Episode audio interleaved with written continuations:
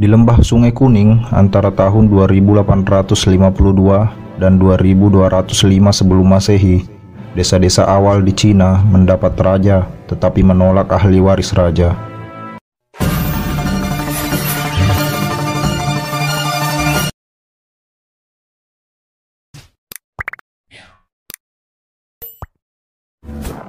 Jauh di sebelah timur Mesopotamia, pola yang lazim itu terulang sekali lagi.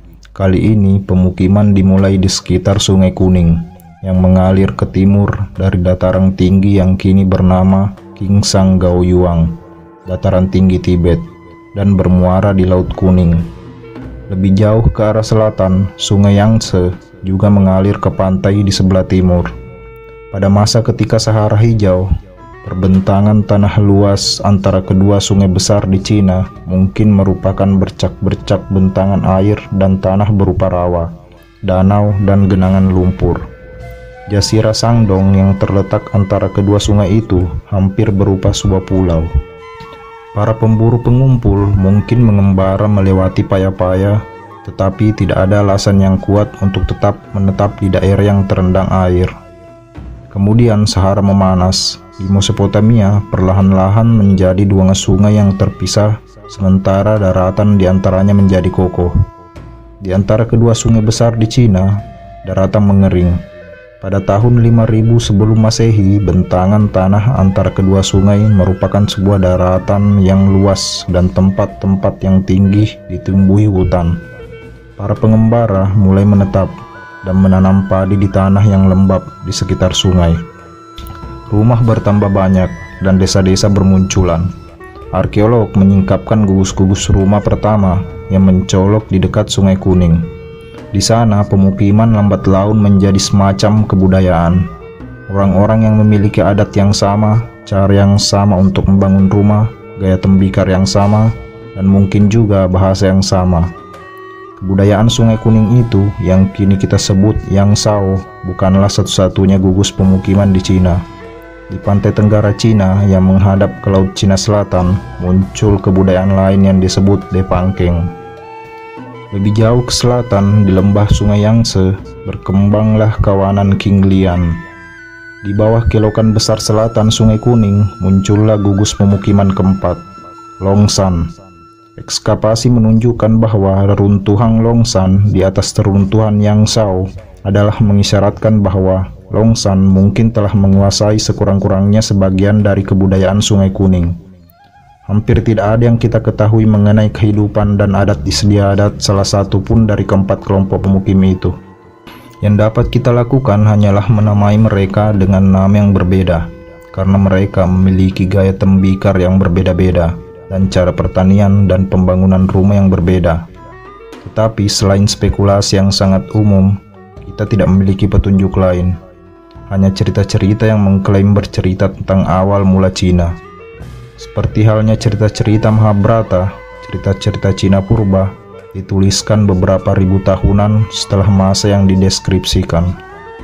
Tetapi sejauh cerita itu melestarikan tradisi-tradisi tua, cerita itu mengisahkan seorang raja awal yang menemukan tata hakiki segala hal.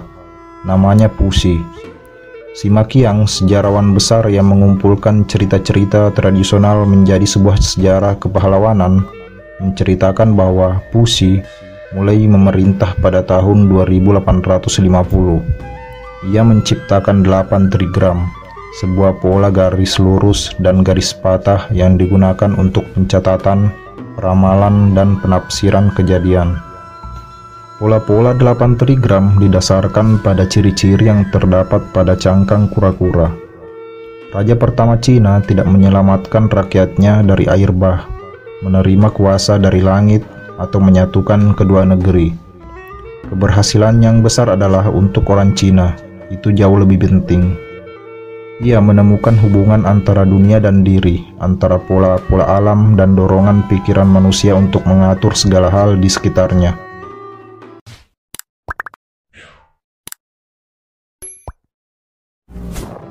Dalam legenda Cina, Pusi disusul oleh raja besar kedua yaitu Senong yang untuk pertama kalinya membuat bajak dari kayu dan menggali tanah.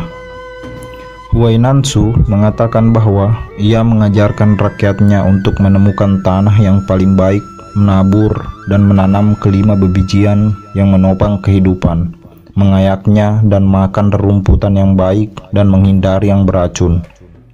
Raja petani disusul raja besar ketiga, mungkin yang terbesar dari mereka, Huangdi atau Kaisar Kuning. Menurut tradisi, Wang Di diperkirakan memerintah dari tahun 2696 sampai 2598 sebelum Masehi. Dalam masa pemerintahannya, ia mula-mula mengalahkan saudaranya, Raja Nyala Api, dan meluaskan kekuasaannya. Kemudian, panglima perang dari selatan, Cio, yang tetap setia kepada Raja Nyala Api, memberontak melawan Kaisar Kuning yang menang. Cio memiliki karakter yang tidak menyenangkan ia menciptakan perang, membuat pedang baja pertama, memakan kerikil dan batu dengan giginya, dan memimpin pasukan yang terdiri dari pelaku kejahatan yang bersosok raksasa. Ia menyerang pasukan Huangdi di medan pertempuran yang tertutup kabut. Huangdi harus menggunakan sebuah kereta sihir yang dilengkapi dengan kompas untuk menemukan jalan menuju ke titik pusat pertempuran, yang akhirnya ia menangkan. Cerita itu anakronistik belum terdapat kompas di Cina pada tahun 2696 sebelum Masehi. Belum terdapat kota juga. Ketika Memphis di Mesir dan Kis di Mesopotamia berkembang, pemukiman-pemukiman Sungai Kuning masih berupa gugus-gugus rumah bertiang kayu dan berdinding anyaman, dikelilingi parit dan tembok tanah. Orang-orang di pemukiman itu sudah belajar menangkap ikan, menanam dan memanen bebijian, dan kita mengasumsikan memerangi penyerbu. Wandi, jika ia berperang demi kekaisarannya melawan saudaranya dan panglima perang saudaranya, memenangkan kekaisaran yang bukan terdiri dari kota-kota dan pedagang-pedagang yang makmur, tetapi gugus-gugus gubuk pedesaan yang dikelilingi sawah dan ditanami padi dan ketan. Tetapi suatu peralihan terjadi dalam struktur pemerintahan di Cina setelah penaklukan yang dilakukan Huangdi. Di Sumer, ide kekuasaan turun-temurun sudah cukup kokoh pada waktu itu. Agaknya hal sama muncul hampir seketika di Cina. Wang Di, raja terakhir dari ketiga raja, disusul oleh seorang raja bernama Yao. Yao yang penuh kebijaksanaan agaknya berada di Cina di mana sudah terjadi kebiasaan bahwa seorang raja menyerahkan kekuasaannya kepada anak lelakinya. Namun Yao melihat bahwa anak lelakinya sendiri tidak layak mewarisi tahta maka sebagai penggantinya, ia memilih seorang petani yang miskin namun bijaksana bernama Sun, yang terkenal bukan karena keutamannya, tetapi juga karena baktinya kepada ayahnya.